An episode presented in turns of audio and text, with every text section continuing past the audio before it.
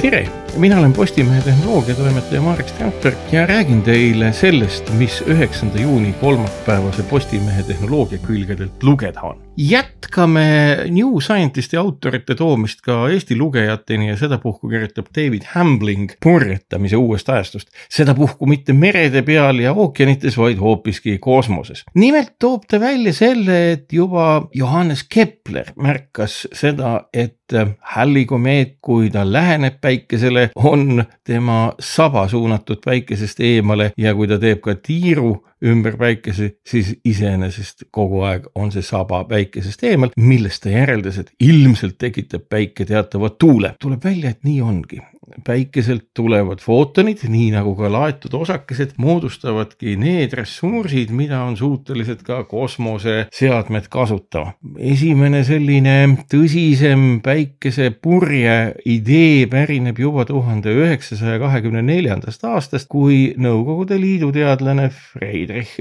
Sander esimest korda selle päikesepurje kontseptsiooni välja käis. päikesepurjest on küll räägitud, aga katsetusteni on jõutud alles viimasel ajal. Ja äh, nendest katsetustest ka äh, autor kõneleb päris põhjalikult. Ja siin on selline lugu, et äh, miks seda vaja on, on see, et kuigi maa, me teame, ei ole lapik, siis päikesesüsteem on lapik. Ja kui kosmosesõiduk ei saa ja ta ei saagi kaasa võtta kõikide oma reiside ja kulgemiste jaoks piisavalt kütust, siis peab ta kasutama igasugust kavalust, näiteks gravitatsioonilist kavalust, püüdes siis erinevate planeetide või nende kuude raskusjõudu kombineerida sellisel moel nagu umbes inimene, kui ta heidab lingu ehk et kasutab sellist hoovõttu.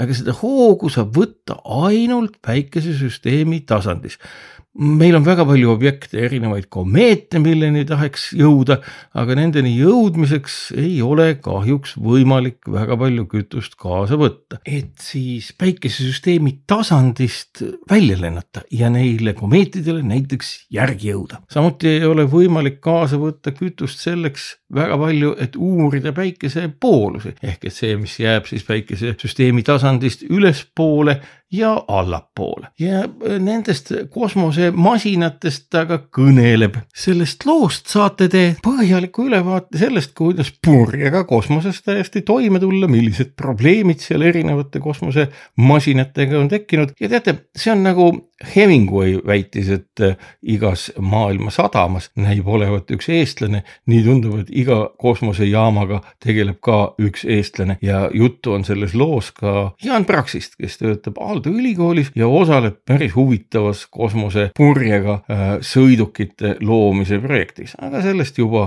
lugegegi lähemalt äh, Postimehest. lühemalt on kirjutatud paberväljaandes ja pikem lugu loomulikult ilmub äh, veebis tehnikauudistest saate lugeda seda, et kalmaarid on saavutanud täiesti enneolematu liikumiskiiruse kaheksa kilomeetrit sekundis. tõsi, mitte küll ise, aga neid sõidutati rahvusvahelisse kosmosejaama ja peamine huvi oli see, et mismoodi kosmosejaamas kalmaaride sees ja nahapinnal elavad mikroobid ehk mikrobioom toime tuleb nõndanimetatud mikrogravitatsiooni oludes, kus raskusjõudu on väga vähe või puudub see üldse. see puudutab ka seda, kuidas inimesed tulevikus võiksid toime tulla väga pikkade kosmosereisidega. juttu tuleb ka ühest valmis saadud teemonist või ellu äratatud teemonist või meisterdatud kratist. nimelt jutt on Maxwelli teemonist ehk siis ähm, süsteemist, mis on suuteline jälgima, kuidas molekulid liiguvad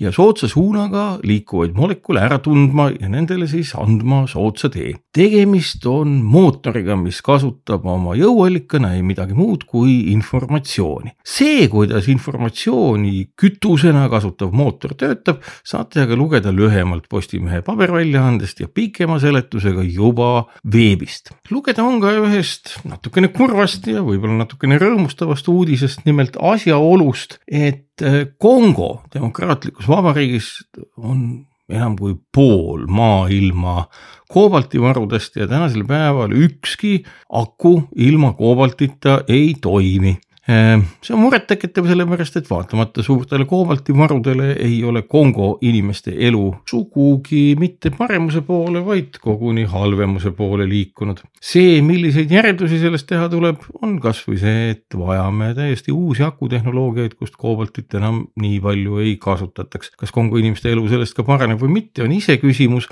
aga näib nii, et nii nagu nafta, mida ei ole kõikjal maailmas, vaid ainult valitud riikides, on ka uus uue ja rohepöörde jaoks vajalike tehnoloogiate nii mitmedki komponendid üle maailma laiali ja väga kummalistesse riikidesse koondunud. nii et näib, et juhul, kui tehnoloogia uuendust maailmas uute materjalide näol ei tule, tuleb paratamatult naftaajastu lõppedes hakata tegelema uute poliitiliste jõujoonte jagamisega. aga olge siis head, lugege Postimehest nii paberist kui veebist ja kaunist päeva teile